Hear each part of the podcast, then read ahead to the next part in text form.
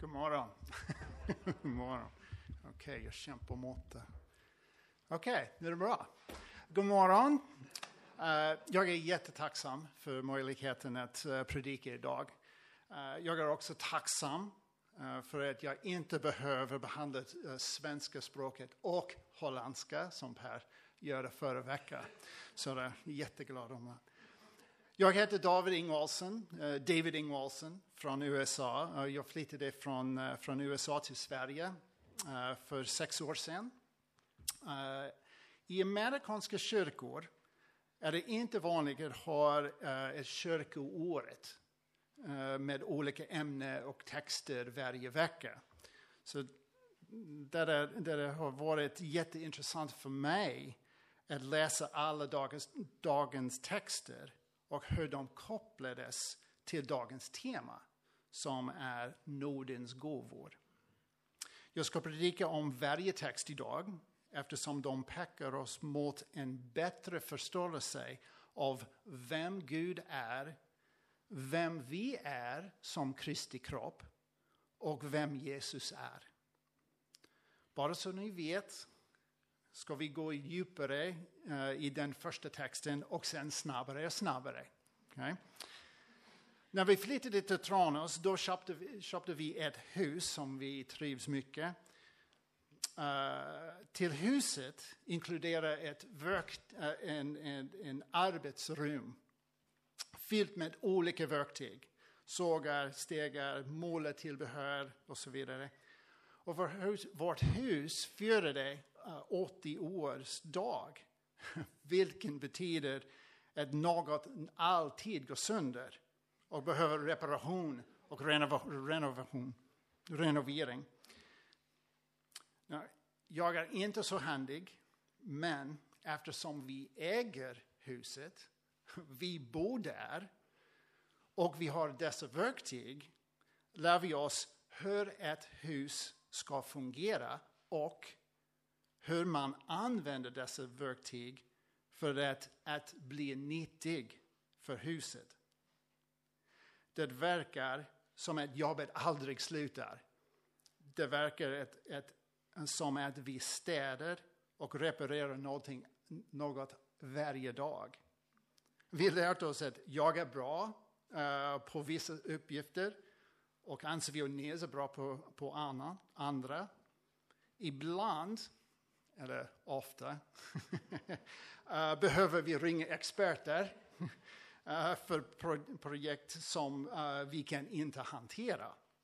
Men tillsammans som ett team försöker vi göra vårt hus bättre för idag och starkare för de kommande 80 åren. Förhoppningsvis. Men nådens gåvor är likadana.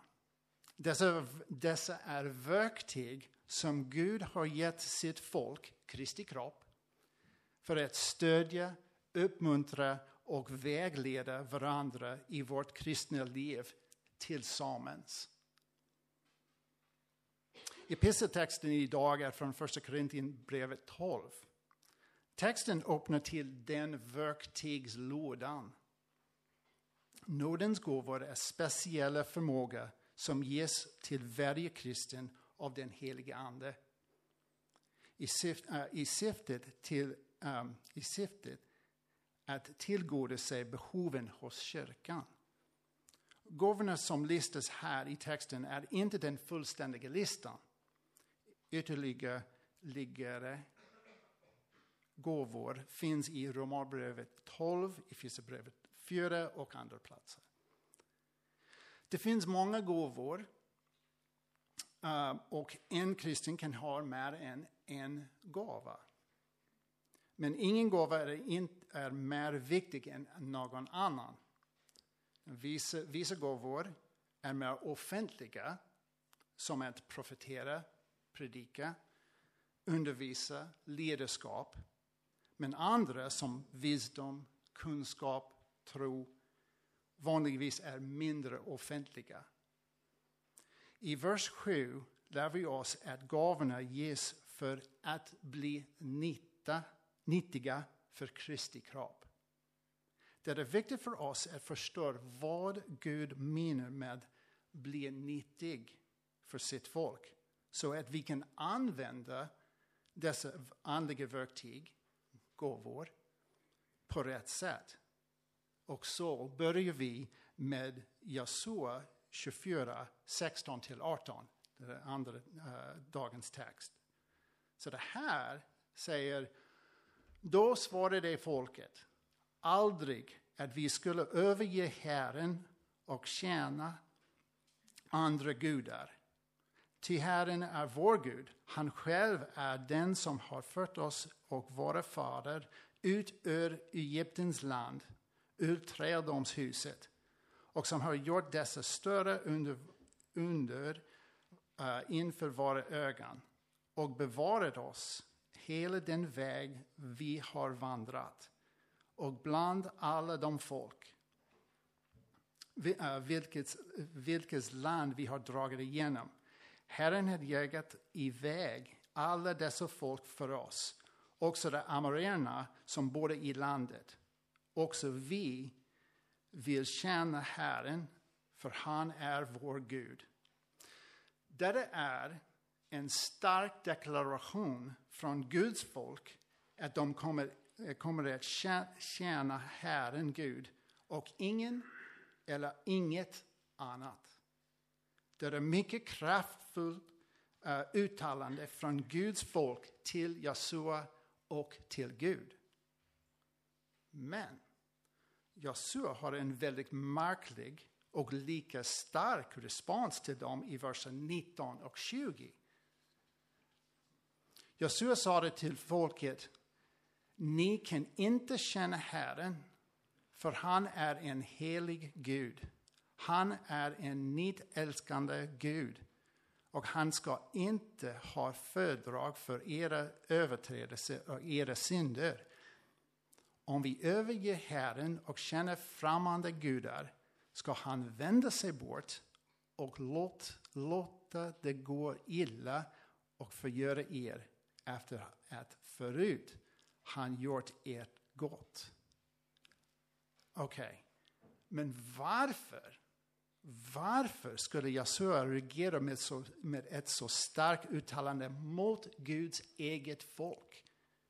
Det är svaret finns i verserna 1 till 13. Där berättar Gud historien om, han, eh, om hans folk med hur Gud valde Abraham och vara fader, eh, att vara fader till sitt folk till Isak, till Jakob in i Egypten, till Mose och ut ur Egypten och sen till den utlovade landet. För att avlägsna alla deras fiender och ge sitt folk städer som de inte byggde och vingårdar som de inte planterade. Josua påminner folket om att dessa goda saker gavs av Gud, trots att Guds folk hela tiden klagade, skapade en gudkalv till att tillbe och ville åka tillbaka till Egypten. De ansåg andra saker mer viktiga än Gud, som precis som är precis definitionen av en idol. Och är vi olika. Prioriterar vi andra saker framför Gud? Inkluderar vi Gud i våra dagliga eh, aktiviteter och beslut? Eller litar vi på oss själva istället, av, uh, istället för Guds vilja? Guds folk syndade. Vi synder. Och ändå kallade Gud dem fött varandra, sitt folk. Och han försörjde dem hela tiden eftersom Gud är trofast. Och vi är inte det. Det är nåd. Det är nåd. Okej. Okay. Trots den långa och obekväma historielektionen eh, från Josua påminner Gud dem och oss om att de och vi verkligen är hans folk och att de och vi har ett syfte. I verserna 14 och 15, Jesua berättar för oss vad deras syfte är. Att tjäna honom helhjärtat hjärtat, och i sanning. Kasta bort alla dina idoler. Allt det som styr er bort från Guds helighet. Jesuas befallning var tydlig och inte alls ni för Guds folk. Till exempel, Andra Mosebok 20, budorden nummer två på topp top 10-list. Ja. Du ska inte tillbe, era, eh, tillbe eller, eller tjäna andra gudar. Till jag, Herren, är en nitälskande Gud. Tredje Mosebok 18. Gör inte som de gör i Egypten, där ni har bott. Inte heller gör som de gör i Kenens land, det jag vill föra er. Ni ska inte vandra efter deras stadgar. 3 Mose 20. Du ska vara helig inför mig eftersom jag, Herren, är helig. Så detta är en uppmaning till omvändelse specifikt gentemot Guds eget folk. Och det där är inte bara en befallning från Gamla Testamentet. Som vi lärde oss förra veckan säger Jesus i Lukas 16. Eh, du kan inte tjäna eh, två herrar. I Matteus 5 säger Jesus att vi ska, eh, vi ska vara heliga som Gud, Eh, heliga som Gud är helig. Därför har vi även idag samma kallelse som Guds folk att vara helig uh, som Gud är helig. Men lika våra bröder och systrar i gamla och nya testament är det lätt för oss att frestas av de saker som världen gör och ignorera Gud och hans kallelse för sitt folk. Det är precis som mitt hus, eller hur? Det håller, det, det håller sig inte rent särskilt länge. Saker går sönder varje dag och då struntar jag i, i mitt eh, ansvar eftersom jag hellre vill ta en cykeltur eller se Sverige vinna över USA i fotboll. På samma sätt är det lätt för oss att vandra bort från den smala väg som Gud kräver sitt folk. Vi sjöng, vi sjöng salmen tidigare. Gud, ditt folk är ett vandrande folk. Därför gav Josua ett starkt svar till Guds folk. Du är inte så stark som du tror att du är. Och konsekvenserna av din vandring är allvarlig, allvarliga. Han är en helig Gud han kommer inte att förlåta ditt uppror och dina synder eftersom han har visat er så mycket kärlek. Så det skulle, det skulle vara fruktansvärt fel att avsluta predika just nu. Eller hur? Och Gud avslutar inte heller. Vi går vidare. Dessa varningar förekommer i hela Bibeln och vi kan inte undvika dem. Dessa varningar talar om för oss att vår relation med Gud är en mycket allvarlig sak. Så allvarlig att Gud sände sin enda son, Jesus Kristus, för att vara perfekt för oss eftersom vi kan inte göra det själva. Han sände, han sände Jesus att dö för att betala straffet för våra synder. Eftersom kostnaden är för högt för oss. Han sände Jesus för att samla in syndare, Eh, lika oss, i hans familj för alltid. Detta är den ultimata uttryck för Guds nåd, kärlek och barmhärtighet till sitt folk. Nu, ordningen här är jätteviktigt. Nåd betyder att vi räddades av Jesus först. Sen vi följer efter honom. Och då kallar han oss att vrida vårt liv i linje med hans rike. Detta inkluderar arbete, passion, äktenskap, ensamstående, barn, relationer, pengar, tid, sport, sex och så vidare. Men det är svårt att vara helig. Det är den trånga porten som Jesus berättar för oss i dagens texten för två veckor sedan. Vi kan inte tjäna två herrar. För att, för att göra detta måste vi läsa Guds ord och be för att vi ska se världen som Gud ser världen. Inte hur vi ser den. Och dagens text från Lukas 9 hjälper oss att uh, hjälper oss förstå hur Gud ser på världen.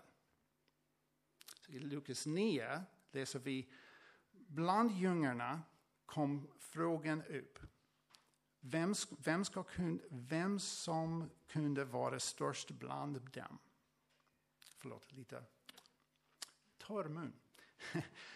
Jesus visste, visste att vad de tänkte i sina hjärtan och tog ett barn och ställde det bredvid sig och sade till dem, den som tar emot den här barnen i mitt namn, han tar emot mig.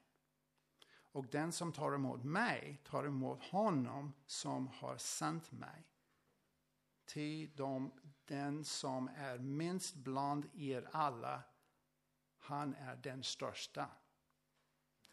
De lärjungarna diskuterar vem, vem skulle vara störst, vilket, uh, vilk, vilket är en löjligt samtal efter händelserna i kapitel 9. Till exempel. Jesus skickade ut de tolv utan resurser, ingen mat, ingen pengar, ingen wifi. Det var, det var bara Guds nåd som försåg dem. Deras uppgifter var att driva ut demoner och bota sjukdomar. Men texten är, är tydlig att det var Jesus som gav dem dessa makter. Jesus mättade 5000 man, profeterade sin död två gånger. Jesu härlighet uppenbaras. Botade en besatt pojk. De lärjungarna förstod inte och bidrog ingenting till dessa händelser. Och ändå bråkade de, bråkade de om vem som skulle vara först. Really? Liksom Josua 24 visar den här texten oss hur snabbt vi som följare till Jesus kan tänka på oss själva som starkare och bättre än vi egentligen är. Jesus använde ett barns exempel för att lära ut detta. Under biblisk tid ansågs barn inte vara viktigt, viktiga. Men inte för Jesus eller för Gud. Psaltaren talar tydligt om Gud känner spädbarn innan de födes. Tack så mycket. Guds nåd.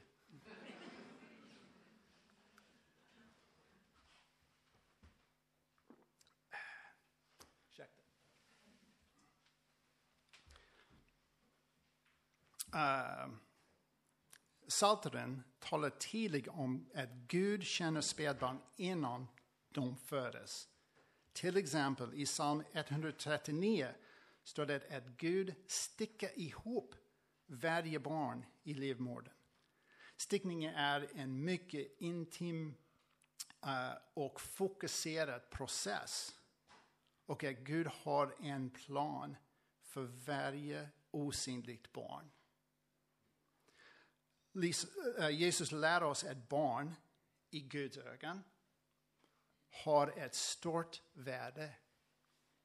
Psaltaren talar också om änkor, faderlösa, de fattiga, utlänningar och andra som världen anser vara det lägsta. Josua 24 och Lukas 9 och resten av Bibeln påminner oss om att vi som Guds vandrade folk är mycket mer lika de lägsta än vi är större.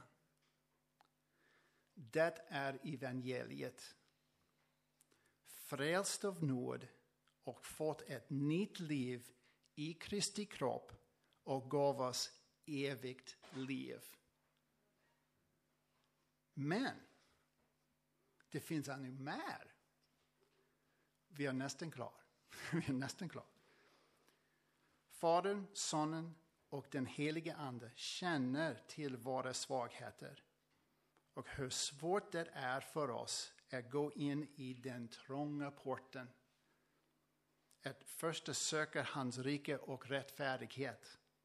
Att vara perfekt som Gud är perfekt.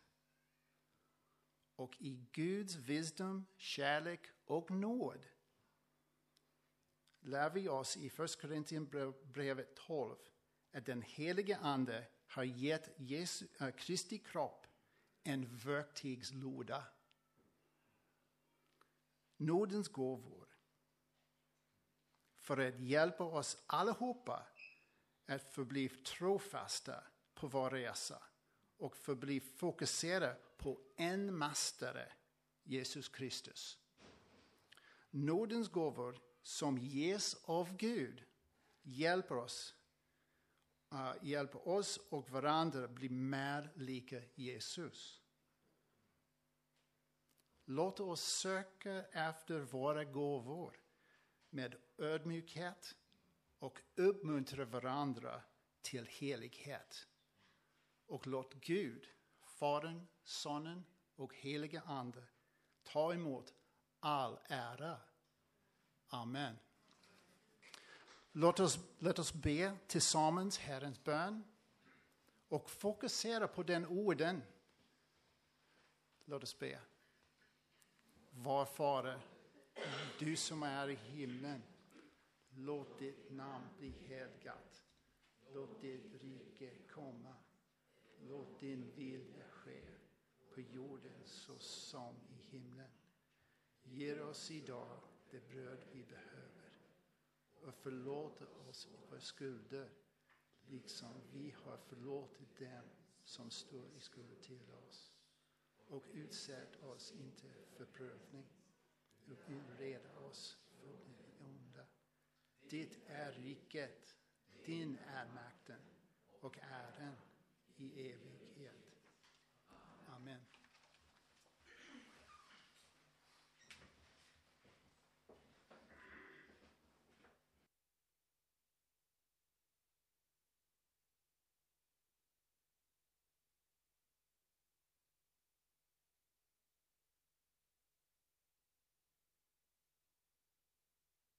Efter denna predikan så får vi sjunga tillsammans eh, psalm 410. Och den funkar bra, texten också med temat och predikan. Vi försöker hålla en röd tråd.